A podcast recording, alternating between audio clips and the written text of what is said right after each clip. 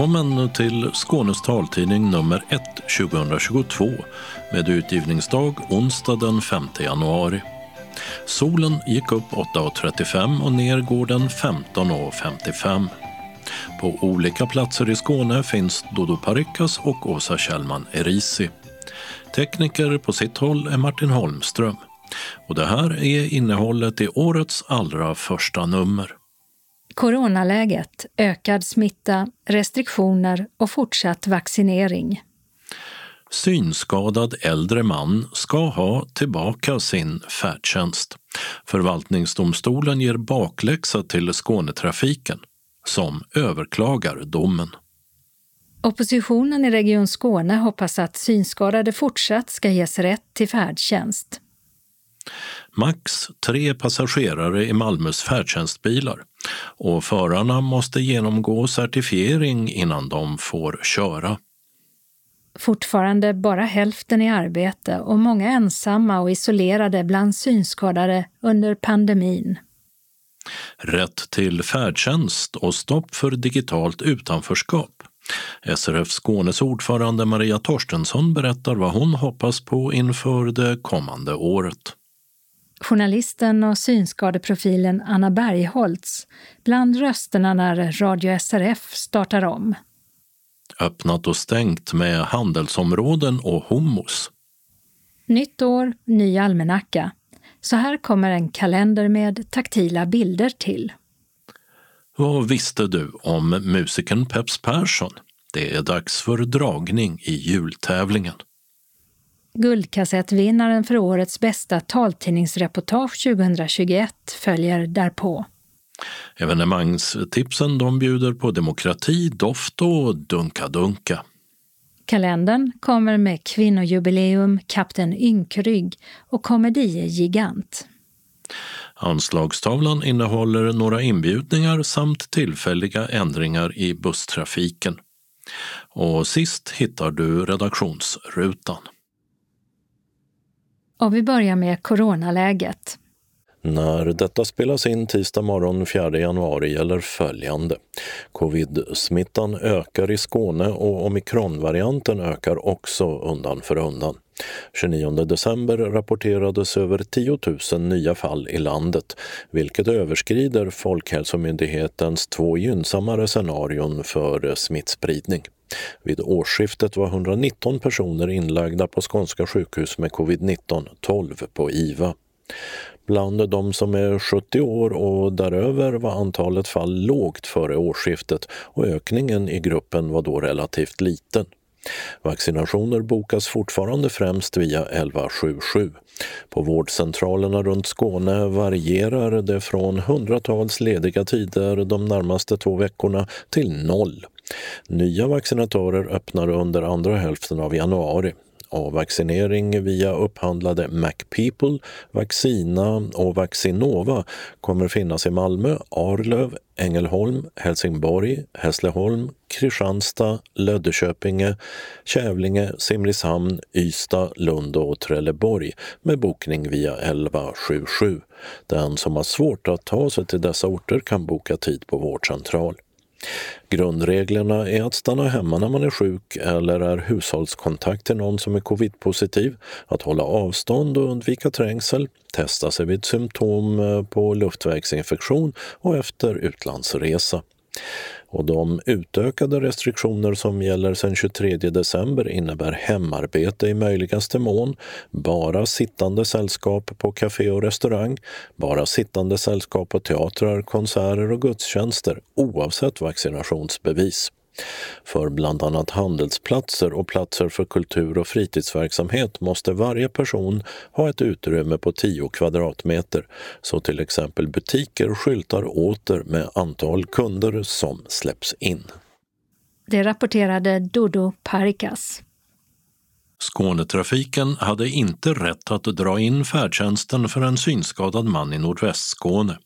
Det kom förvaltningsrätten i Malmö fram till i en dom i december och förklarar att mannen har rätt till färdtjänst.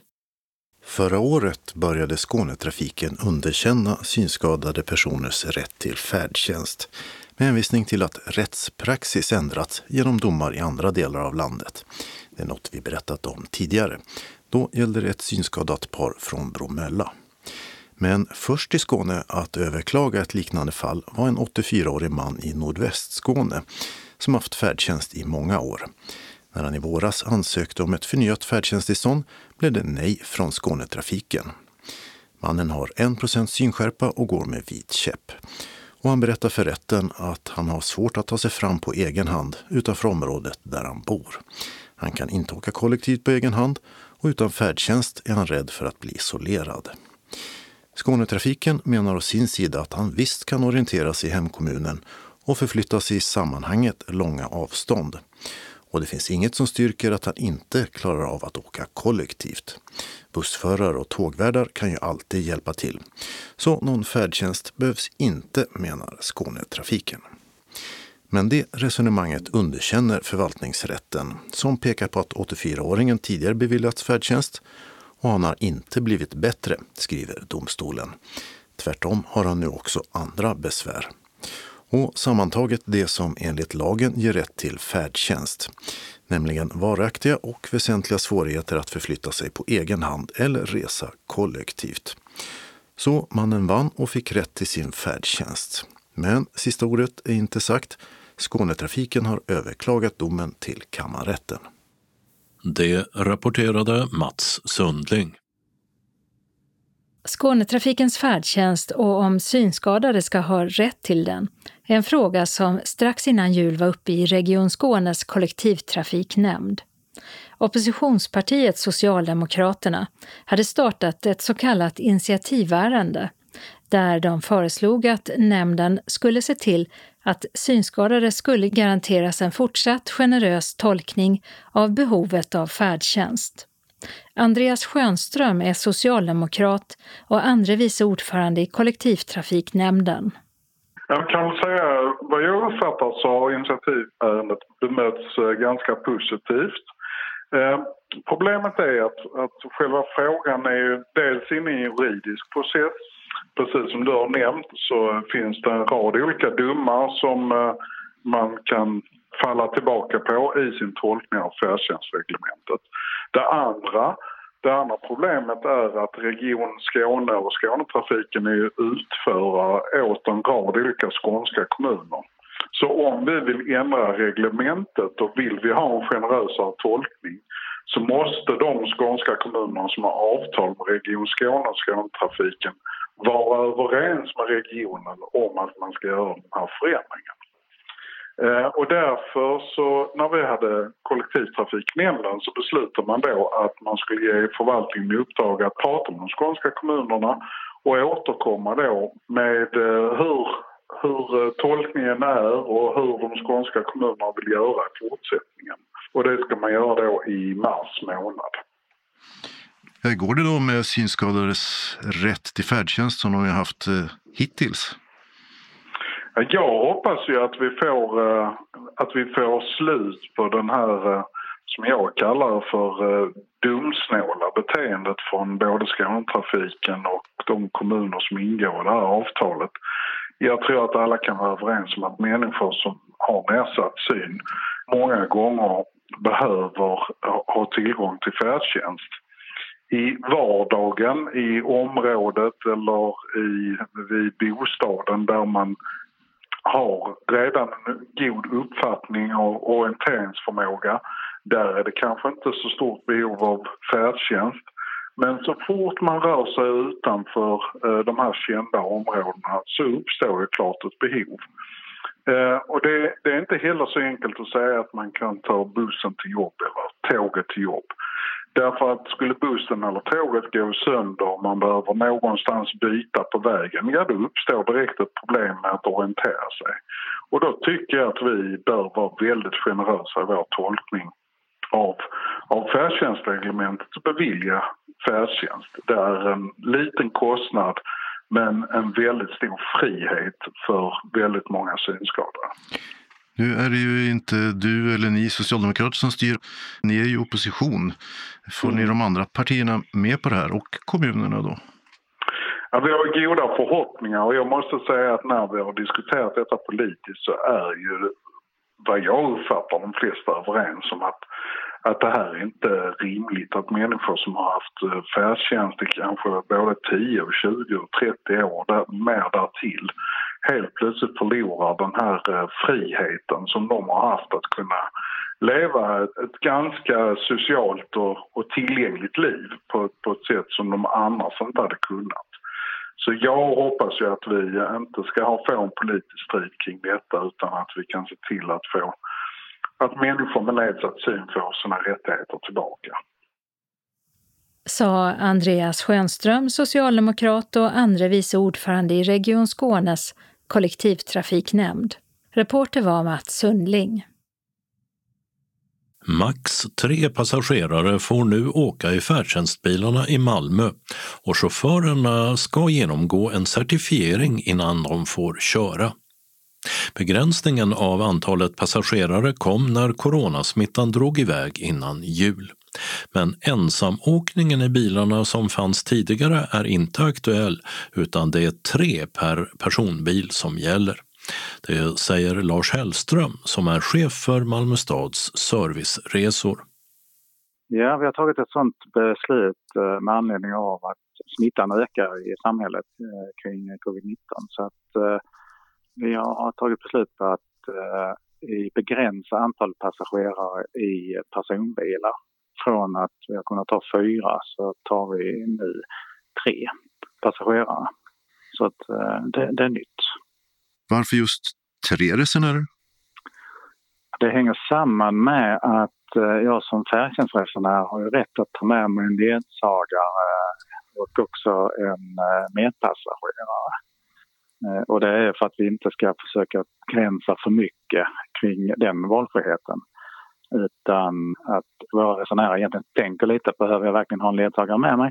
Eller jag behöver ha en eh, medresenär när jag ska resa.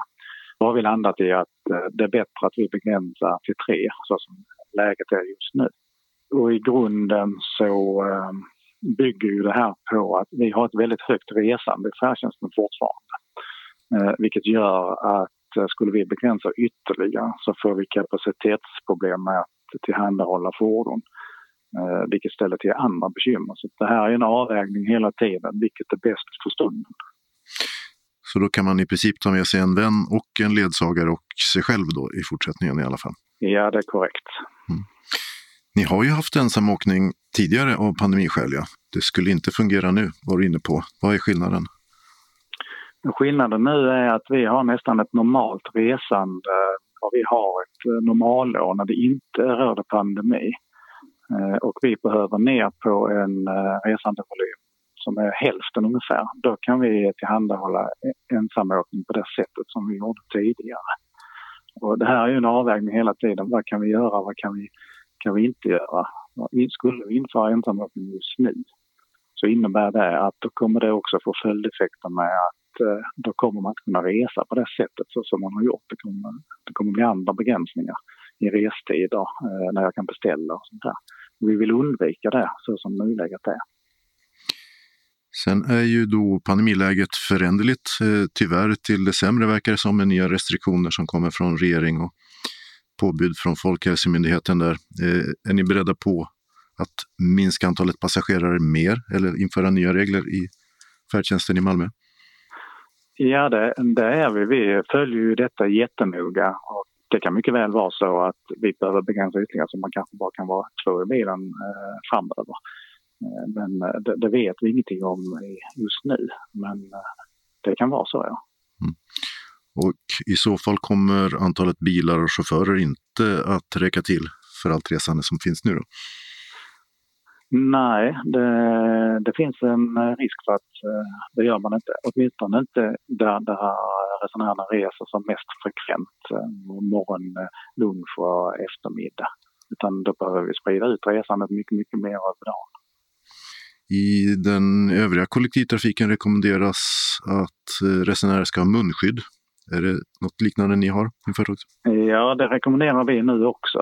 Att man följer Folkhälsomyndighetens rekommendation kopplat till den allmänna kollektivtrafiken. Att man även i färdtjänsten i Malmö stad så långt det är möjligt använder munskydd. Det är inget krav, men att man bör använda det. För att man sitter ju ändå lite närmare varandra i en personbil. Mm. Det kan vara svårt att undvika trängsel, ett annat av påbuden. Ja, fordonen är ju inte så stora så att man, man sitter ju ändå någorlunda nära varandra. Eh, och det, och det är också en balans i, i, i det. Och då är ju munskyddet en bra åtgärd som man själv kan göra för att faktiskt kunna resa. En annan nyhet eh, i färdtjänsten i Malmö är ju att ni inför förarcertifiering för chaufförerna. Ja, det är jätteroligt att vi kan, eh, kan göra det nu.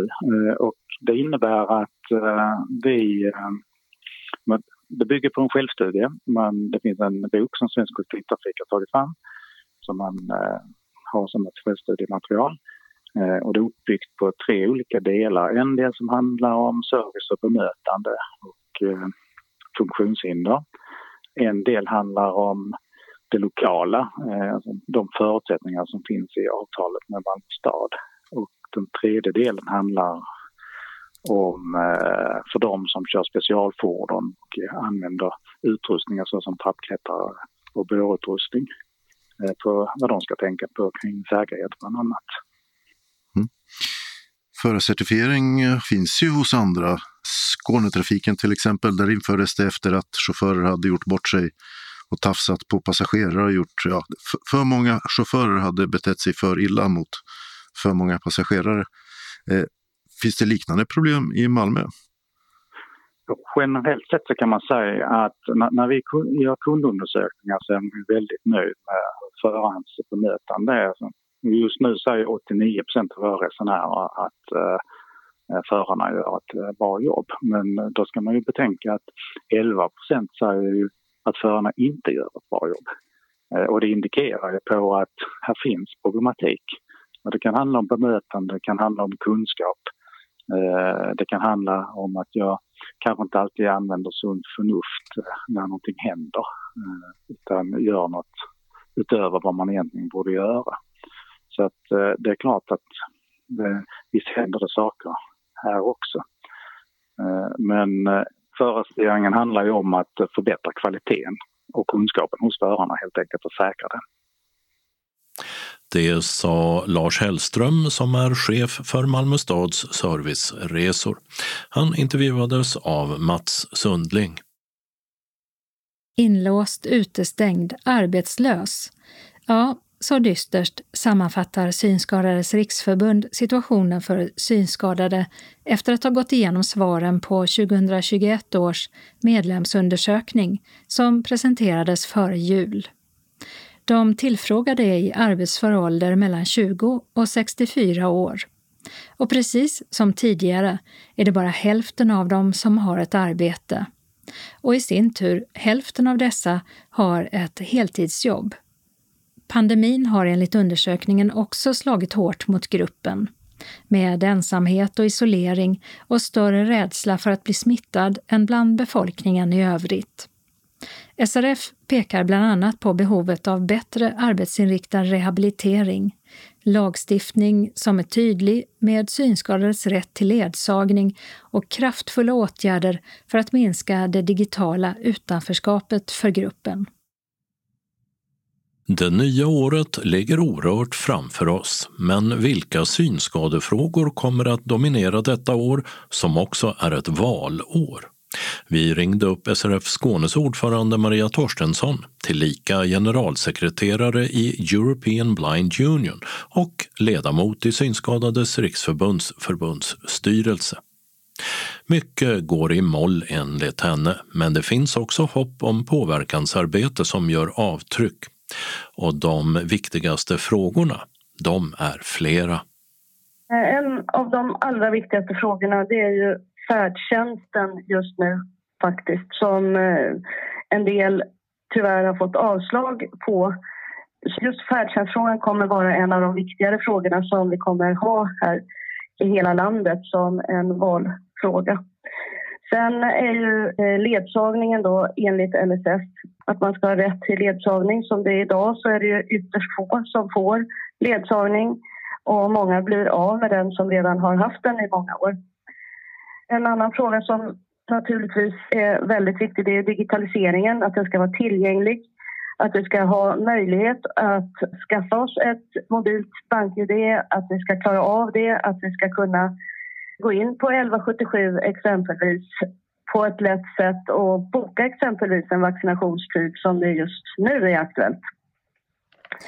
Det är sådana saker som vi kommer jobba med på riksplan och på eh, regionalplan i Skåne också naturligtvis.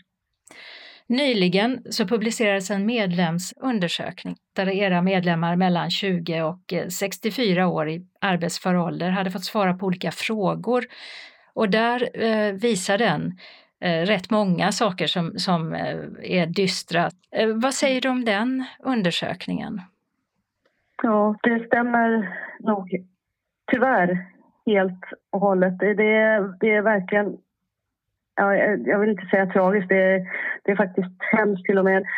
Och det är ju en fråga som, som vi försöker att jobba med men det är, det är svårt samtidigt för att det är ju samhället som måste inse att det är fler som måste hjälpas åt för att det här ska gå vägen för att vi ska klara oss, även vi synskadade. Ja, det är en väldigt dyster rapport. Det som sticker ut är det här med ensamheten, att den har blivit större och värre. Den ofrivilliga ensamheten, ska man väl säga. Och som det har varit nu under de här coronaåren och som fortfarande är det är ju att man inte vågar eller så kanske man inte ens har möjlighet att få gå ut. Och har man då dessutom inte ledsagning så kanske man inte heller kan gå ut utan man, man är förvisad att vara kvar hemma. Men eh, många dystra besked. Finns det någonting som är mer positivt i den här medlemsundersökningen till exempel, där man ser att ja, men här har det faktiskt hänt någonting? Ja, i just medlemsundersökningen har jag inte den precis framför mig just nu. Men eh, däremot så, så tror jag att vi har varit mer öppna. Vi, har, vi försöker få mer uppmärksamhet i media, sociala medier och vanliga media för att informera om den här situationen som vi finns i. Eh, jag tror att väldigt många människor tror och tar för givet att blir man blind eller gravt synskadad så får man nog hjälp av samhället. Men eh, så är det ju tyvärr inte eh, per automatik utan man får verkligen kämpa för att få hjälp om man ens får någon. Men som sagt var, jag tror att det är positivt att vi har gått ut så pass mycket nu och att vi har visat att, att så här ser situationen ut för oss.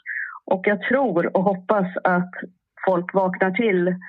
Eh, jag tycker att det känns redan som att människor överhuvudtaget runt omkring oss har blivit vänligare och mer hjälpsamma i och med den här pandemikrisen. Och det känns som att folk har förstått att en liten hand, en liten hjälp kan ge mycket för en annan människa. Sen eh, sitter du ju med också som generalsekreterare där du ganska nyligen valdes in i European Blind Union, EBU. Och eh, är det här frågor som du känner igen där också ifrån andra länder? Har man problem med färdtjänst och, och liknande? Eh, just färdtjänst är ju en fråga som är väldigt svensk. För det är ju ytterst få, om ens några andra länder som har färdtjänst på det sättet som vi har. Man kanske har hjälp med att få lite billigare taxiresor eller att man åker gratis på tåg och buss och så vidare. Eller får bidrag för att köpa en bil till familjen. Det är lite olika i olika länder men just färdtjänst tror jag vi är ganska ensamma om. Så att just den frågan är ju inte så aktuell i andra länder det är många som är avundsjuka på oss för att vi har den här färdtjänsten och det är en fantastisk sak. Men i övrigt så är det ju mer eller mindre samma frågor med digitalisering, webbtillgänglighet. Tillgänglighet överhuvudtaget är väl det största som man jobbar med eh, egentligen med synskadefrågorna i, inom Europa. Men de här frågorna som du sa var de viktiga för eh, 2022 med färdtjänst, ledsagning och digitaliseringen. Mm. Hur ser du på möjligheten att ni kan göra någonting där, att ni kan ändra på utvecklingen? Ja, färdtjänsten tror och hoppas jag verkligen att vi kan eh, ändra på. Vi måste få ett förtydligande av lagen till att börja med. Redan som det är idag så har vi haft tre stycken fall som vi vet i Skåne med färdtjänsten som har blivit indragen. Av dem så är det en som har varit i förvaltningsrätten och fått rätt där, alltså fått tillbaka färdtjänsten. Så att vi hoppas och tror att färdtjänsten är någonting som vi har belyst på rätt sätt så att man förstår att det här är någonting som är fel. I annat fall så är det så att vi måste få en lagändring. Och det måste jag tro att vi kommer att få, för det är bland det viktigaste vi har att jobba med. Digitalisering, det är jag helt övertygad om att det är någonting som vi kommer att få mer tillgängligt. Tillgängligheten är en sak, men sen är det utbildningen på digitala hjälpmedel, om man säger som telefoner och datorer och så vidare. Det är någonting som vi behöver få bättre och det är ju en sån sak som vi verkligen jobbar jättehårt med och som vi tror att vi kommer nå resultat med också. Vad är det som får dig att tro att ni kommer att få resultat där? Därför att det är en fråga som berör många och det är inte bara synskadade som behöver den här utbildningen. Det är väldigt många äldre och det är andra funktionsnedsatta som har andra problem som också behöver mer utbildning. Så det är en ganska bred fråga. Det är många som står utanför idag. Och sen är det ju valår i år. Vad hoppas du på ska bli frågor som man då tar upp där? Jag tror att en stor fråga kommer bli tillgänglighet när det gäller digitalisering.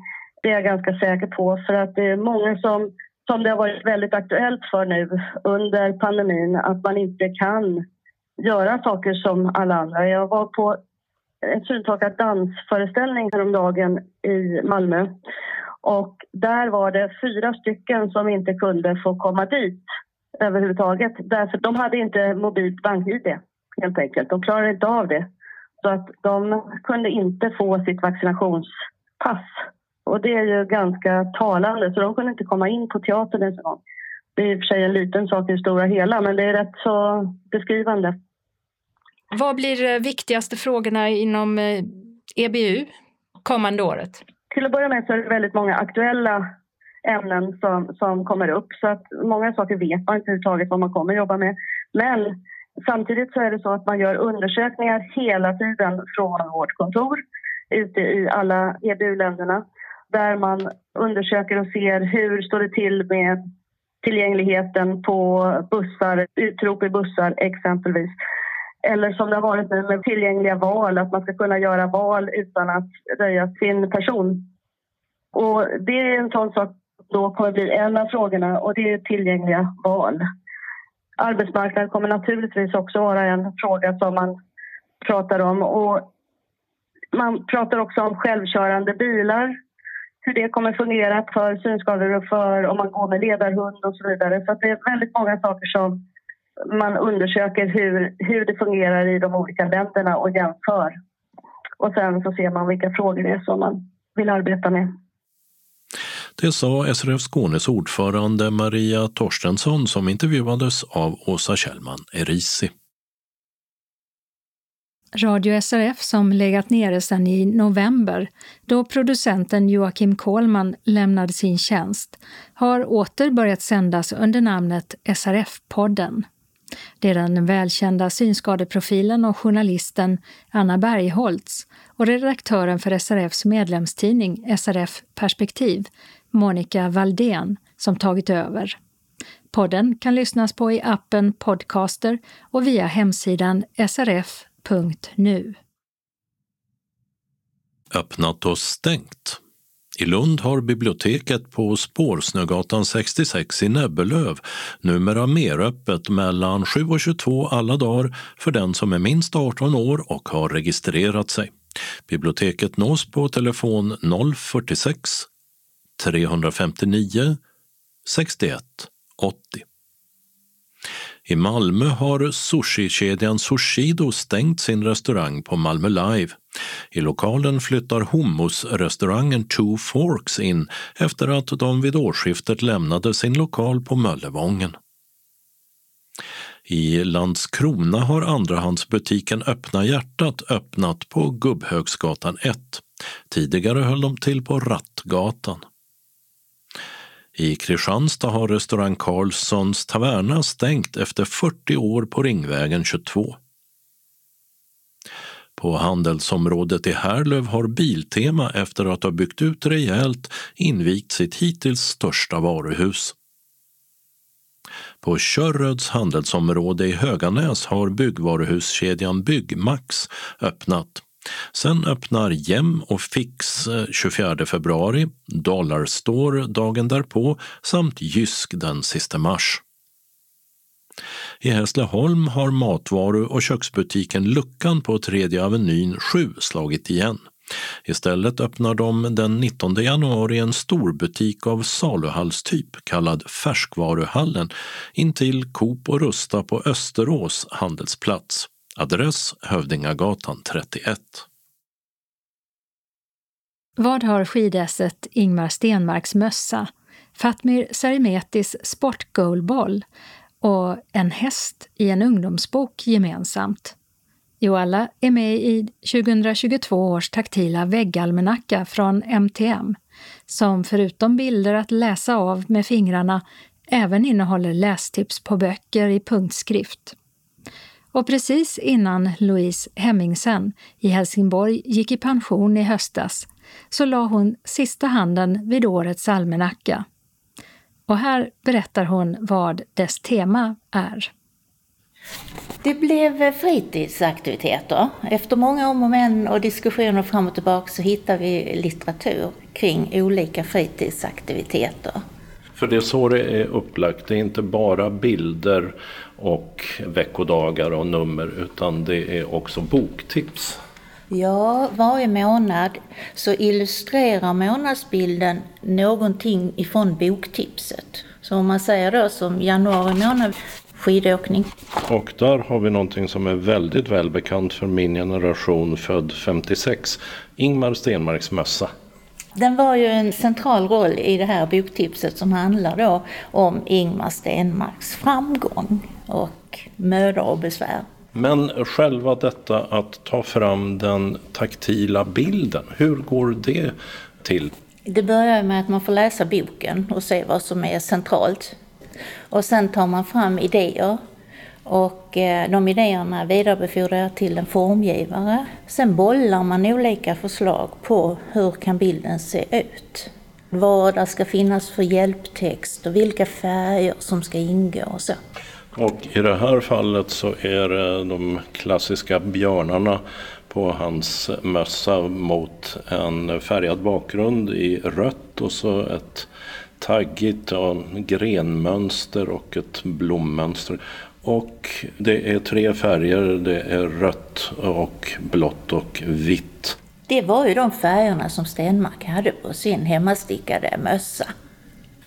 Vi bläddrar vidare här. Februari, Snökristaller, vad blir det för böcker till det? Det var en bok som eh, vänder sig till barn. Där är 12 månadsbilder och fyra av dessa ska vara till yngre läsare. Eh, vi har ju en med skånsk anknytning här. Goalboll, ögonbindel och boll taktilt. Vem eh, handlar det här om? Det handlar om Fatmir Seremetti som eh, tappade synen i tonåren totalt. Men genom bland annat bollsporten goalball lyckats, ja han är till och med världsmästare. Har han själv varit inblandad i eh, den här junibilden och texten? Boktipset är hans egen bok, hur han klarar sig ut ur mörkret så att säga. Men han har inte varit eh, inblandad i hur man framställer bollen och eh, ögonbindeln här i blått mot ljusgrön botten? Nej, utan det är ju min och formgivarens diskussion fram och tillbaks utifrån vi vet hur sakerna ser ut och att det ska vara kontrastrikt för att även om den som har lite synrester ska ju kunna använda och ha glädje utav denna almanackan. Sen är det samma upplägg med simning, badmössa, simglasögon och badsko. Har vi en synskadad idrottare till den också? Nej, det är en liten uh, feel good roman Oj, här kommer en häst med dessutom en liten anatomisk beskrivning. Hovar, svans, man, öra, mule i eh, punktskrift och eh, svart skrift. Ja, det är en bok som också vänder sig till den yngre skaran om hästen som är tuffast och vackrast och bäst i stallet. Vi har eh, i maj månad en liten deckare utav Karin Hjulström. Där eh, huvudpersonerna tar över ett gammalt trädgårdsmästeri. På bilden så är det faktiskt kryddväxter. Men inte recept på en giftblandning? Absolut inte. Ehm, de här boktipsen som ges ska ju finnas på eh, punktskrift och lånas på Legimus. Finns inte boken så får man ju sätta igång den så att den finns till utgivningen av almanackan på punktskrift. Det är en lång resa att tillverka de här almanackorna. Man börjar redan i januari på följande år och sen så är det inte klart förrän bort mot augusti, september. Varför tar det sån tid? Böcker ska läsas, bilder ska skapas, tryck ska korrekturläsas och alla datumbladen ska man skapa och korrekturläsa. Det får ta sin lilla tid.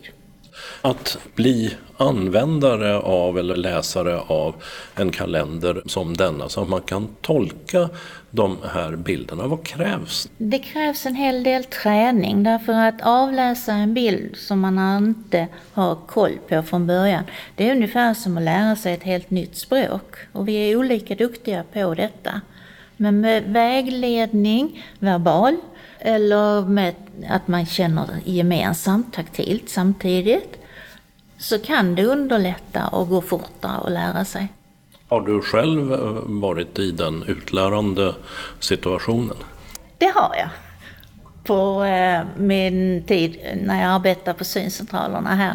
Fanns det de som eh, kastade ifrån sig det första och sa det här klarar jag inte? Jag har alla på hela skalan. De som totalt vägrar och som blev jätteduktiga.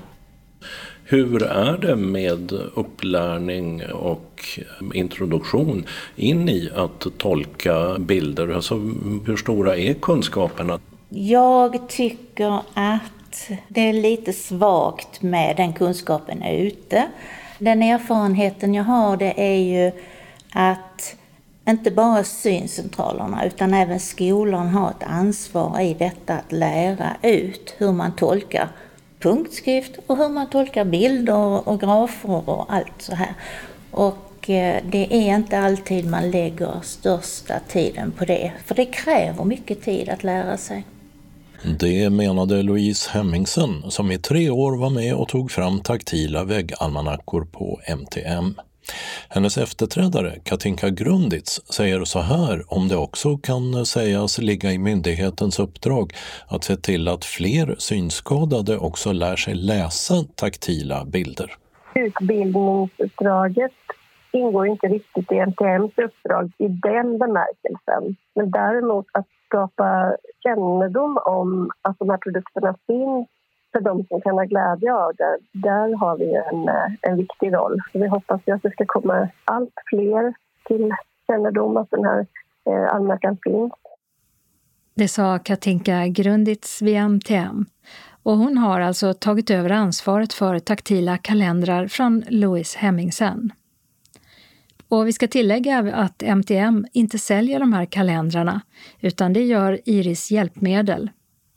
Reporter var Dodo Parikas. Vad visste du om Peps Persson? Årets jultävling hade den skånske blues och reggaemannen som tema och det är dags att gå igenom de rätta svaren.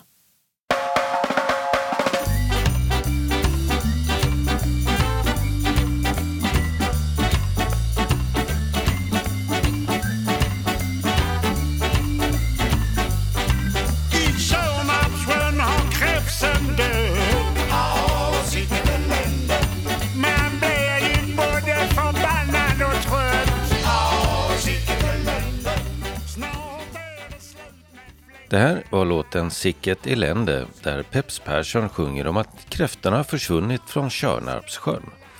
Och visst var det Körnarp som Peps växte upp i, alltså ett kryss i fråga 1. Peps tog sig först smeknamnet Poppe, men eftersom en viss Nils Poppe lagt beslag på det namnet så bytte han till Peps. I fråga två sökte vi hans egentliga förnamn och rätt svar det är Per-Åke, en tvåa i fråga två. 1972 åkte Peps till Amerika för att spela in en bluesskiva. Skivan hette The Week Peps Came to Chicago, vilket ger en tvåa även i fråga tre. Peps gjorde flera svenska versioner av utländska låtar, bland annat Min trollmoj funkar, som är en cover på bluesklassikern Got My Mojo Workin' från 1957.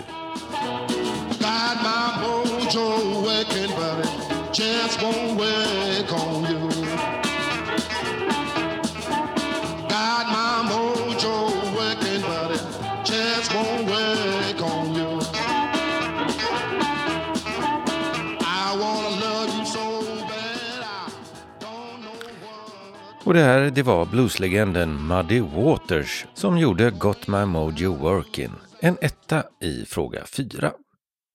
I femte frågan sökte vi en engelsk matematiker som sägs ha fått ett äpple i huvudet en gång och gav ut ett av historiens mest betydelsefulla verk, Naturfilosofins matematiska principer år 1687.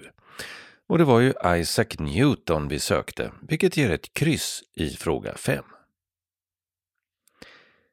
I sjätte frågan hörde vi en skånsk kultklassiker.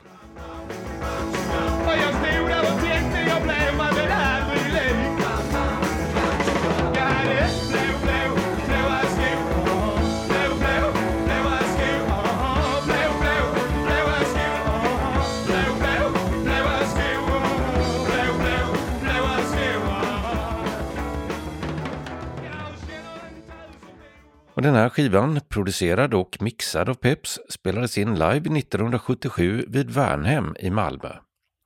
Artisten, som tyvärr gick bort redan 1985, hette egentligen Carl-Göran Ljunggren och föddes i Arlöv. Som artist kallade han sig Carl P Dahl, alltså en tvåa i fråga 6. Och sen blir det en barnvisa.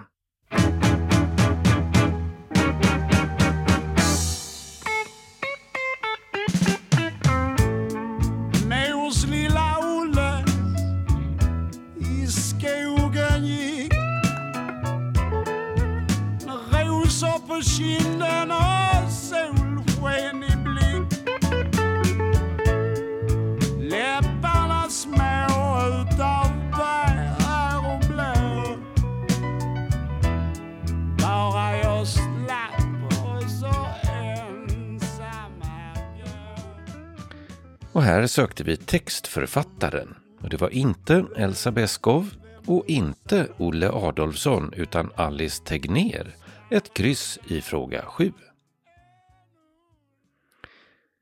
I åttonde frågan sökte vi en folkkär komiker som ofta använde sig av olika dialekter. Och vi hörde honom härma speedwayföraren Tony Rickardsson. När jag snurrar runt på, eh, i 120 kilometer i timmen, 60 hit om dagen, upp klockan tre på morgonen, 320 mil i bussen, färjan över, ny tävling, England, 30 hit, vurpa, bacon, röntgen, gipsa bägge armarna, färjan över, ny tävling, Polen och bajamaja i Krakow. Och detta det är Robert Gustafsson och det ger en etta i fråga 8. Under senare delen av livet bodde Peps i Vittsjö i norra Skåne. Vittsjö som inte är känt för att man hittat guld här. Och inte heller står skulpturen Scanisaurus här, den står ju i Bromölla.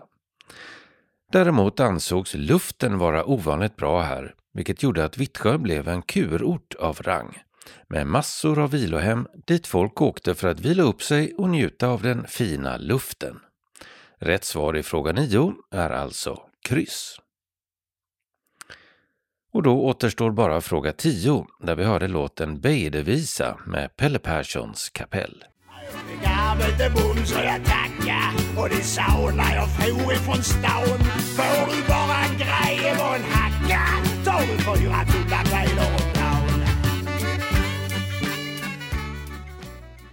Och i fråga 10 undrade vi hur många kvadratmeter ett tunnland är. Och rätt svar är cirka 5000 kvadratmeter. Ett kryss igen. Och det heter ett tunnland för att det var ungefär så stor yta som en tunna med utsäde räckte till. Och det ger oss följande rätta rad. Kryss 2, 2. 1, kryss 2. Kryss, ett kryss och ett kryss. Och då har det blivit dags att utse en lycklig vinnare av första pris, alltså den stora äran plus en ljudbok eller musik-CD i normalprisklassen. Och eftersom det var flera som hade lyckats pricka in alla rätt så låter vi fru Fortuna avgöra genom lottdragning. Jag lägger ner alla lapparna med rätt svar i den gyllene pokalen. Så ska vi dra första pris och den stora äran går till Lars Eisner i Lund. Stort grattis! Vi utlovade ju fler priser och nu drar vi bland alla som har skickat in oavsett antal rätt. Andra pris, som också är en ljudbok eller musik-CD, går till Lennart Järmundsson, Helsingborg. Grattis! Och vi passar på att lotta ut en t-shirt eller mugg med vår fina logotyp på som vi också drar bland alla som skickat in. Den går till Rolf och Kristin Berglund i Malmö. Grattis! Och det var tio frågor och svar signerade tävlingsredaktör Martin Holmström. Tack till alla som skickat in svar och grattis igen till vinnarna så är det dags för en tradition så här vid årsskiftet. Vinnaren av Guldkassetten för årets, alltså 2021 års, bästa taltidningsreportage som delas ut av Taltidningsproducenternas förening TTF. Reportaget Han träffar ju bollen varje gång är gjort av Skånes taltidnings reporter Dodo Parikas och spelades in på Kullaberg och Mölle Golfklubbs bana där vi strax möter den dövblinde golfaren Torbjörn Svensson. Här står han vid utslagsplatsen tillsammans med tränaren Johanna Pyk Jargard och dövblindtolken Josefin Engström.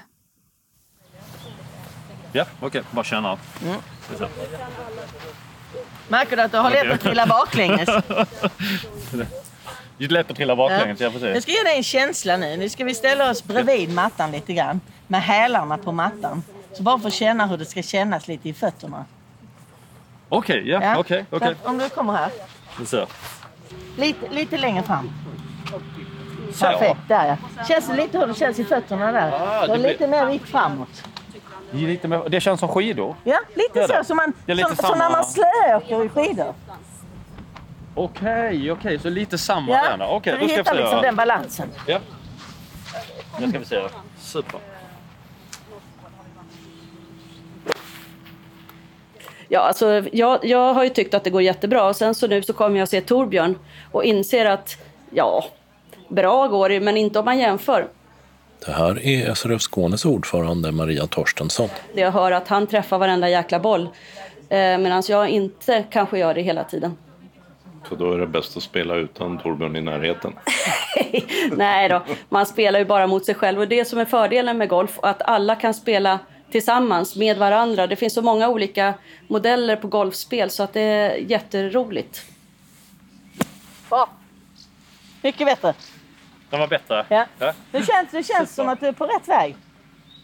Ja men skönt, vad skönt. Eh, hur ska vi göra nu tycker du?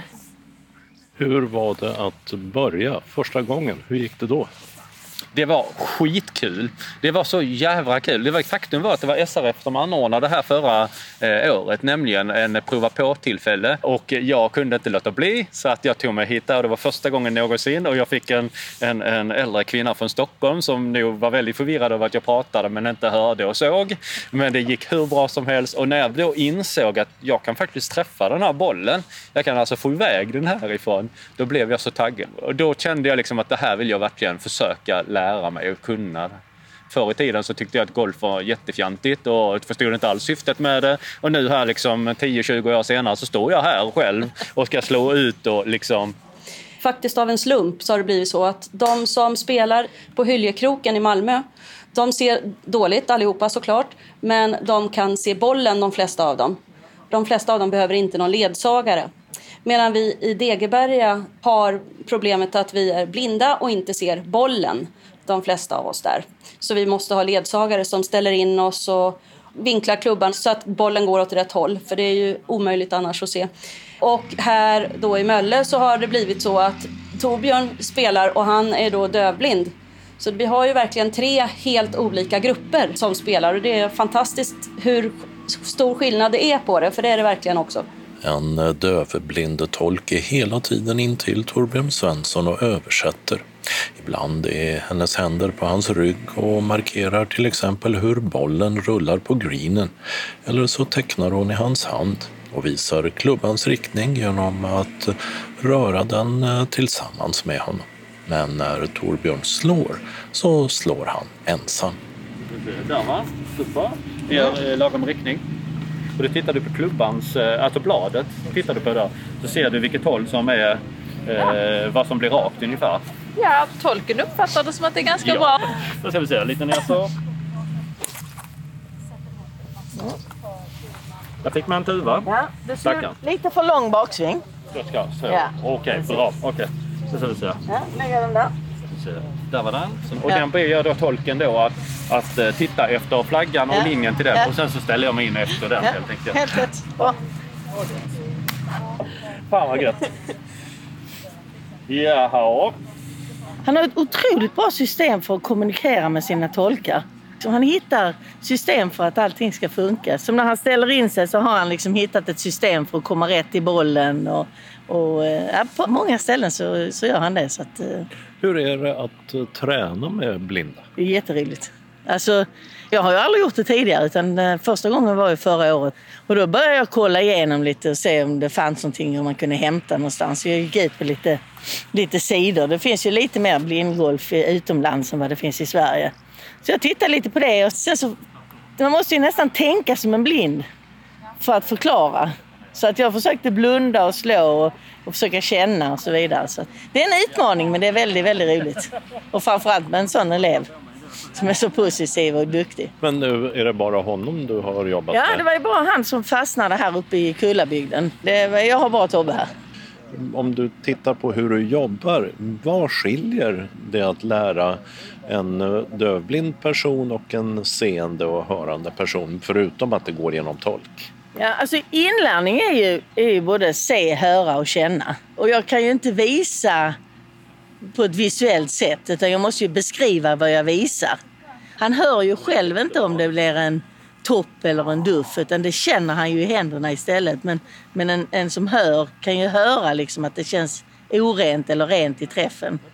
Så man får liksom ta bort lite men så får man ju skapa de här, de här sinnena fast på ett annat sätt. Har ni kul? Jättekul. Alltså jag tycker det är så roligt. Nu vet jag var bollen ligger för att Johanna har varit så snäll och placerat den redan på. Och då så får jag, hittar jag rätt ställning och när jag då hittat rätt linje där så ställer jag mig an och så backar jag klubban lite och sen så svingar jag för att slå. Och eh, vad är det som gör att du faktiskt träffar? Muskelminne, utan tvekan. Det är muskelminnet som gäller detta här. Vi, vi har ju liksom jobbat med att träffa och till slut så sitter det är precis som när jag paddlade innan ju. Eh, Jag ser ju inte vad jag sätter i paddeln i vattnet. Men jag har en teknik som sitter i kroppen var hur jag ska paddla som att jag boxar en person framför mig. Och det är precis samma princip här som jag använder. Det jag har den stora utmaningen med detta är när bollen är eh, ute på plan eller ute på fairway och den kanske ligger lite högre gräset eller lite, lite lägre gräset. Då har jag inte riktigt samma koll på var den ligger i gräset som den här mattan som vi står på som är väldigt förlåtande.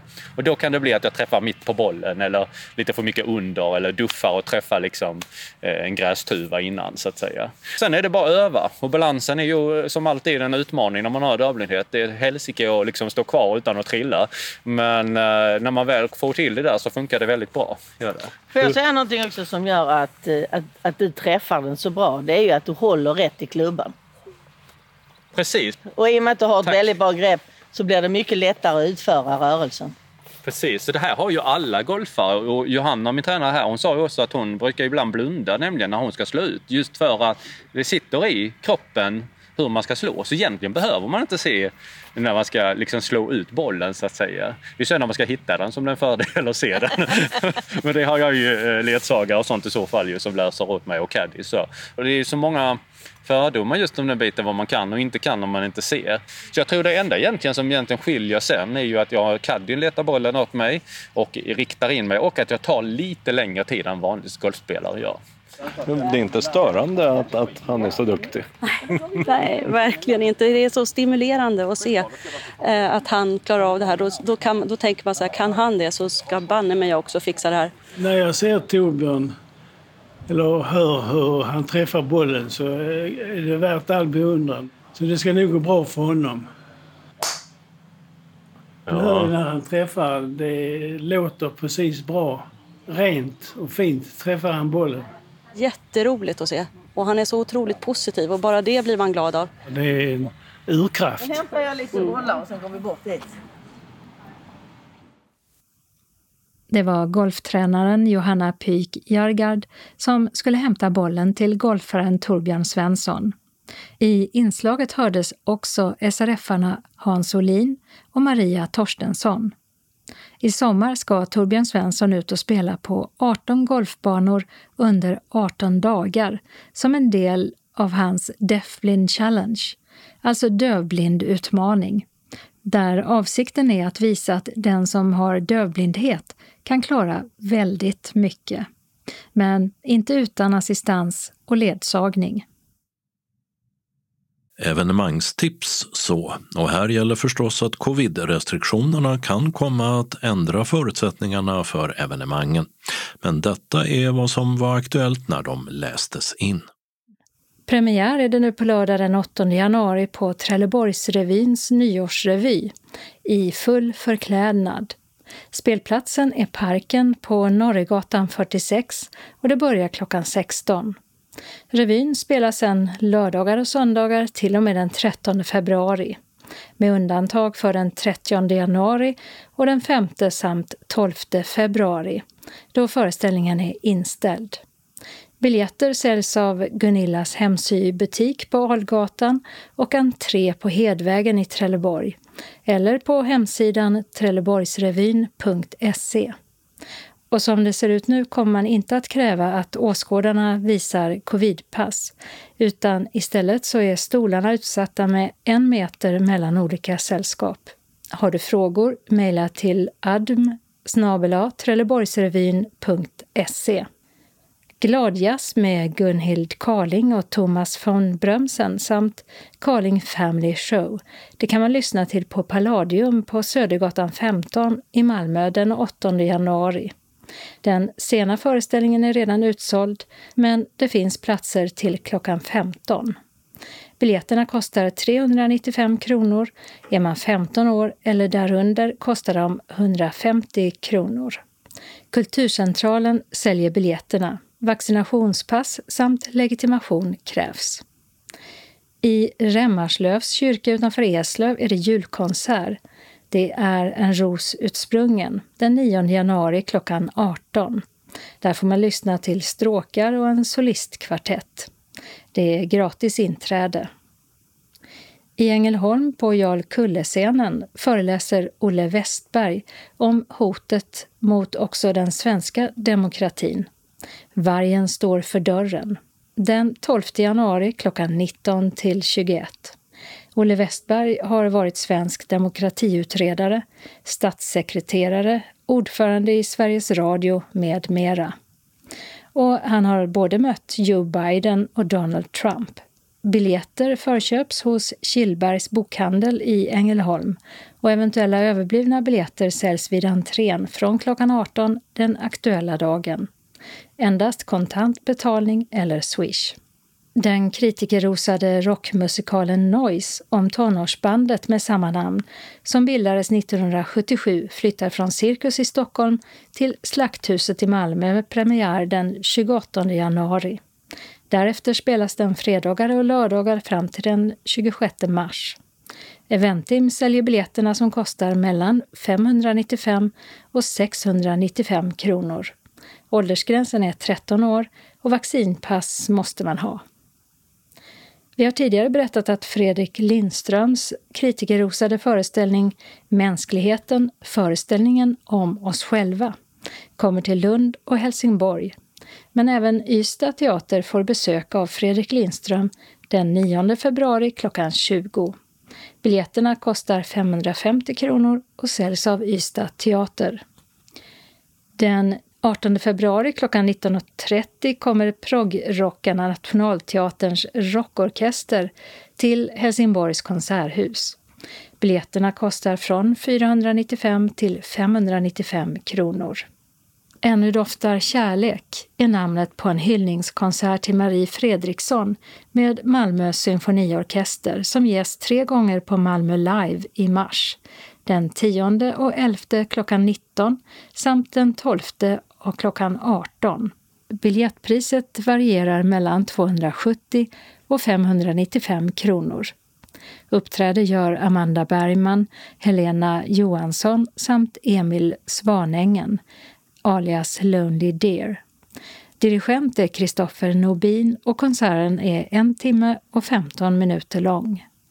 Biljettinformation Kulturcentralen 040 10 30 20 Eventim 0771 65 1000. Ystad Teater 0411 577 199. Helsingborgs konserthus 042 10 42 80. Malmö Live och konserthus 040 34 35 00. Kalendern för vecka två börjar med måndagen den 10 januari då Sigurd och Sigbritt har namnsdag. Det är hundra år sedan en kvinna för första gången tog plats i riksdagen och dåvarande första kammaren. Detta uppmärksammas med föreställningen Fira demokratin 100 år som sänds på SVT klockan 20. Där artister, dansare, kör och orkester bjuder på en musikalisk kunskapsresa om vägen till demokrati och fram till idag. Kvinnan som var först i riksdagen hette Kerstin Hesselgren. Hon följdes sen av ytterligare fyra kvinnor som valts in vid valet 1921. Och talmannen välkomnade henne med orden denna riksdag är ju i det hänseendet anmärkningsvärd att nu för första gången en kvinna tagit plats ibland oss. Jag ber att få hälsa henne välkommen och uttala den livliga förhoppningen att hennes arbete här må bliva henne till tillfredsställelse och oss till gagn. Jag hoppas att hon icke tager illa upp om jag, åtminstone så länge hon är ensam i sitt slag i kammaren, fortfarande gentemot kammaren begagnar mig av den gamla titulaturen Mina herrar. Och herrarna var vid den tidpunkten 375 till antalet i riksdagen. Tisdagen den 11 januari är det Jan och Jannike som firar namnsdag. Det är 80 år sedan Japan förklarade Nederländerna krig och inledde en invasion av kolonin Nederländska Ostindien, nuvarande Indonesien.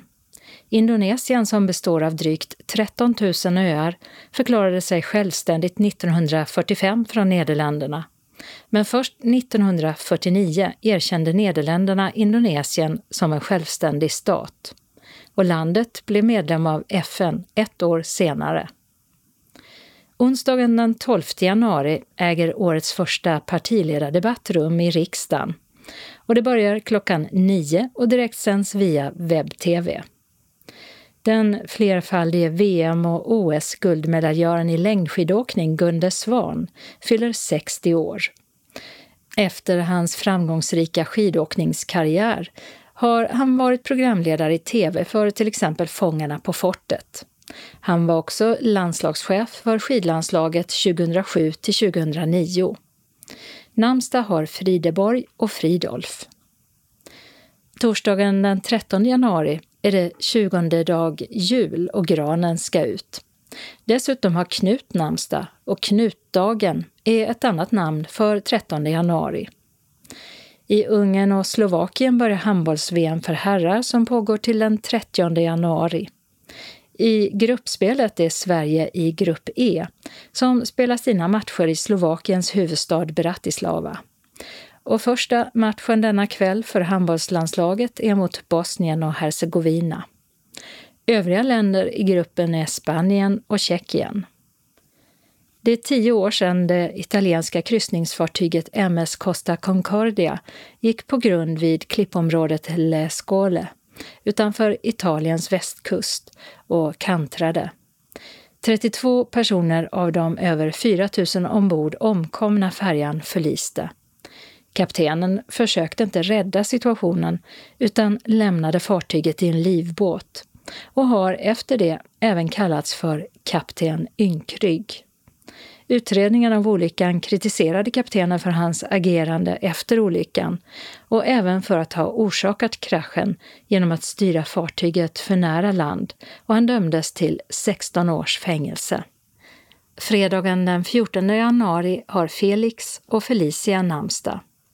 I riksdagen är det interpellationsdebatter och olika ministrar svarar på frågor från riksdagsledamöterna.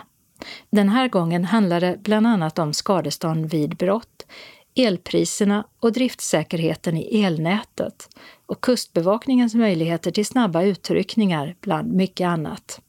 Och detta kan man följa via webb-tv. För 50 år sedan blev drottning Margarete den andre regerande drottning av Danmark vid hennes far den danske kungen Fredrik den niondes död. Hon är äldsta dotter till Fredrik och svenskfödda drottning Ingrid. Och drottning, det är Margarete fortfarande. För 70 år sedan hade världens första tv-morgonprogram premiär. Det amerikanska programmet The Today Show, som fortfarande är igång på tv-kanalen NBC. Lördagen den 15 januari firar Laura och Lorentz namnsdag.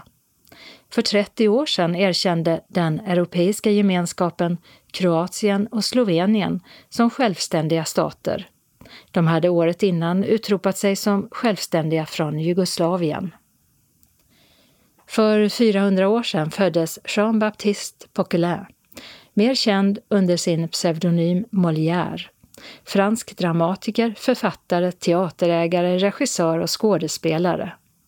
Framförallt är han känd för flera komedier och många sätts fortfarande upp. Några exempel på hans dramatik är Den girige, Tartuffe och Don Juan. Och Molière spelade ofta huvudrollen själv. Och det gjorde han också i Den inbillade sjuke, där han vid ett framförande kollapsade på scenen och dog kort därefter. Söndagen den 16 januari avslutar årets andra vecka och Hjalmar och Helmer har namnsdag. För 30 år sedan fick lotteriprogrammet Bingolotto dispens att börja sända över hela landet, trots att ett rikstäckande lotteri enligt lotterilagen inte var tillåtet. Den regionala anslagstavlan innehåller bara en ändring i busstrafiken som gäller Malmö där det pågår broarbeten på Axel Danielssons väg mellan 10 januari 09.00 och 2 februari 15.00. För Region Buss 170 gör detta att hållplats Malmö-Lindeborg centrum läge A dras in under den tiden. Resenärer hänvisas till ändhållplatsen Hylje cirka 950 meter västerut. För Lindeborg centrum läge B hänvisas till Hylje läge D på Hylje allé. Den lokala anslagstavlan är gemensam för hela Skåne och innehåller meddelanden från SRF Malmö Svedala, SRF Västra Skåne samt tillfälliga ändringar i busstrafiken. SRF Malmö Svedala välkomnar till sin dagverksamhet vecka 2. Vi serverar kaffe och smörgås eller kaka till en kostnad av 10 kronor. Vi vill att alla anmäler sig till kansliet om man tänker komma på dagaktiviteten senast klockan 10 samma dag som aktiviteten. Känner man sig sjuk stannar man hemma. Och tisdag 11 januari 13 till 15.15 15 blir det bingo. SRF Malmö Svedala inbjuder också till en kväll om kris och beredskap. Man vet aldrig när man hamnar i en krissituation. Vad gör du om elen försvinner eller om vattnet slutar rinna i kranen? Och vad gör du om du hastigt måste lämna ditt hem? Om det plötsligt inträffar något oförutsett? Hur pass förberedd är du då? Är du nyfiken på att veta mera? Mikael Haraldsson har gått en civilförsvarskurs i kris och beredskap så han vet. Och han kommer till föreningen Wendels Fridsgatan 13 i Malmö torsdag 20 januari klockan 18.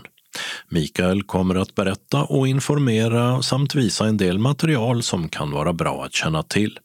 Föredraget tar cirka två timmar och vi bjuder på en liten fikapaus mitt i.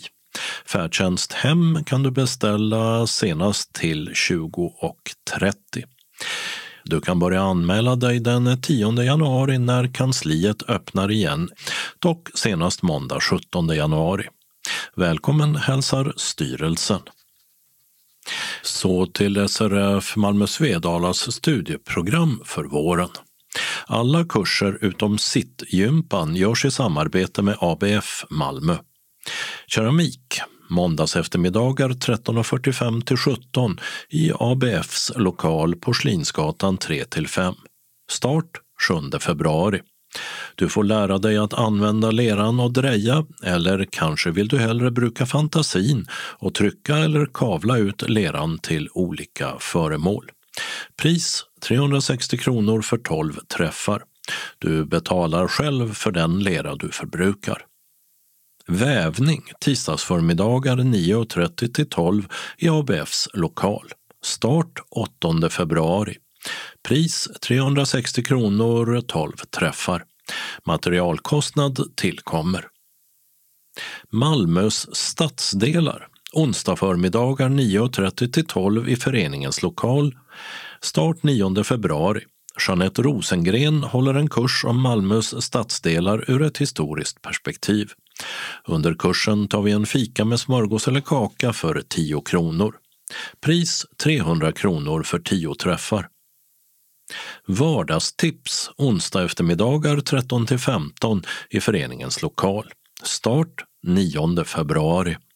Kursen bygger på SRF-materialet Vardagstips för personer med synnedsättning och på att man delar tips och erfarenheter från hemmet och sin vardag. En uppskattad kurs för medlemmar som nyligen blivit synskadade. Kursledare Britt-Marie Linné och Ulla-Britt Rönnhage. Under kursen tar vi en fika med smörgås eller kaka för 10 kronor. Sju träffar planeras och kursen är kostnadsfri. Aktuellt i litteraturen, torsdags förmiddagar 9.30 till 12 i föreningens lokal. Start 10 februari. Kursen tar upp nya böcker av både svenska och utländska författare och leds av Camilla Kronholm. Under kursen tar vi en fika med smörgås eller kaka för 10 kronor. Pris 300 kronor för 10 träffar. Medi-yoga torsdags eftermiddagar 12.45 till 13.45. Start 3 februari. Medveten andningsträning, mjuka fysiska övningar, avslappning och meditation med ledaren Amagret. Pris 450 kronor för 15 träffar. Sittgympa torsdags eftermiddagar 13.45 till 14.45. Start 3 februari. Anpassade övningar för att stärka kondition, armar, axlar, rygg och ben. Ledare är Ann-Margret. Pris 450 kronor för 15 träffar. Är du intresserad av en eller flera kurser så anmäl dig. Alla kurser ska anmälas till SRF Malmö Svedala, telefon 040 25 05 40 eller e-post info srfmalmo.se. Kansliet öppnar igen efter julledigheterna måndag 10 januari. Sista anmälningsdag är måndag 24 januari. Före kursstart skickas kallelse och inbetalningskort ut till alla anmälda. Varmt välkommen hälsar styrelsen. SRF Västra Skåne har månadsmöte tisdag 11 januari 14 till 16.15 i SRFs lokal Vaktgatan 3, Helsingborg. Fikaavgift 30 kronor. Årets första månadsmöte börjar med mötesförhandlingar, därefter fika och besök av Susanne och Tor med vännerna Karin och Thomas som ska underhålla med musik och sång. Anmäl dig eh, senast måndag 10 januari klockan 12 till kansliet 042 15 83 93 eller e-mail srf.monica telia.com. Om du inte står på den fasta listan. Står du på den fasta listan behöver du bara meddela om du inte kommer eller inte ska ha fika. Välkommen önskar styrelsen. Vi har en del tillfälliga ändringar i busstrafiken Skåne runt och börjar med att hållplatsombyggnaden på Marieholmsvägen i Röstånga förlängts ytterligare med ny sluttid 21 januari 17.00. Linje 243s eh, hållplats Friluftsbadet i bägge riktningar är fortsatt eh, stängda med hänvisning till tillfälliga lägen 180 meter norrut på Marieholmsvägen. Och vägarbetena på Byggmästaregatan i Lund, som vi också berättat om tidigare, har fått en sluttid, nämligen 28 februari 16.00. De berör tre hållplatser för stadsbuss 5. För Tingshuset hänvisas till hållplats Polishuset. För Rallaregatan till Polishuset eller Marknadsplatsen och för Västerkyrkan till Marknadsplatsen och hållplatsarbetet på Långebrogatan i Härlöv, som vi också berättat om tidigare, det har pausats och kommer att återupptas någon gång under året. Asfalteringen den är dock klar så att hållplatserna Slättängsskolan läge B och C samt Olof Molins väg läge B har öppnat igen trots att de ännu inte är ombyggda. I Farhult, Höganäs kommun, pågår hållplatsarbeten som stänger två hållplatser mellan 10 januari 7.00 och 11 februari 16.00. För Farhultsbaden läge A hänvisas till Farhult, byn, läge A cirka 550 meter framåt i färdriktningen på Farhultsvägen och för Farhultsbaden läge B 550 meter bakåt motsatt färdriktningen. För Farhult kyrka läge A ersätter Stora Snorröd läge A cirka 700 meter bakåt motsatt bussens färdriktning och för Farhult kyrka läge B 700 meter framåt i bussens färdriktning. I Fjälkinge pågår VA-arbeten på en del av Kumlevägen mellan 10 januari 8.00 och 7 mars 16.00. Hållplats Fjällbackaläge A riktning Nymölla stängs då. En tillfällig hållplats finns på Gamla vägen cirka 100 meter norrut. Och i Malmö pågår broarbeten på Axel Danielssons väg mellan 10 januari 9.00 och 2 februari 15.00. För stadsbusslinje 3, ringlinjen Medurs, gäller följande. Almvik läge A, B och C stängs. Hänvisning till Lindängen läge A och B cirka 750 meter österut på Munkhättegatan. För Tenorgatan i bägge riktningar hänvisas till hållplats Lindängen läge A och B cirka 400 meter i nordöstlig riktning. Och I Malmö pågår också vägarbeten på Almviksvägen, korsningen Hylje Boulevard. För regionbuss 300 på väg in från Falsterbohållet blir Hylje läge E ändhållplats istället för läge D. Och läge E ligger tvärs över gatan på Hylje allé. På väg mot Falsterbo startar bussen från läge D. Detta gäller 10 januari 07.00 till 21 januari 16.00. Och så tog nummer ett av Skånes taltidning slut. Nästa nummer är ute torsdag 13 januari. Skånes taltidning ges ut av Region Skånes psykiatri och habiliteringsförvaltning. Ansvarig utgivare är Martin Holmström. Postadress Jörgen Ankersgatan 12, 211 45 Malmö. Telefon 040-673 09 70. E-post Skanes taltidning snabela skane.se och hemsida skanestaltidning.se. Vi hörs igen. Hej då!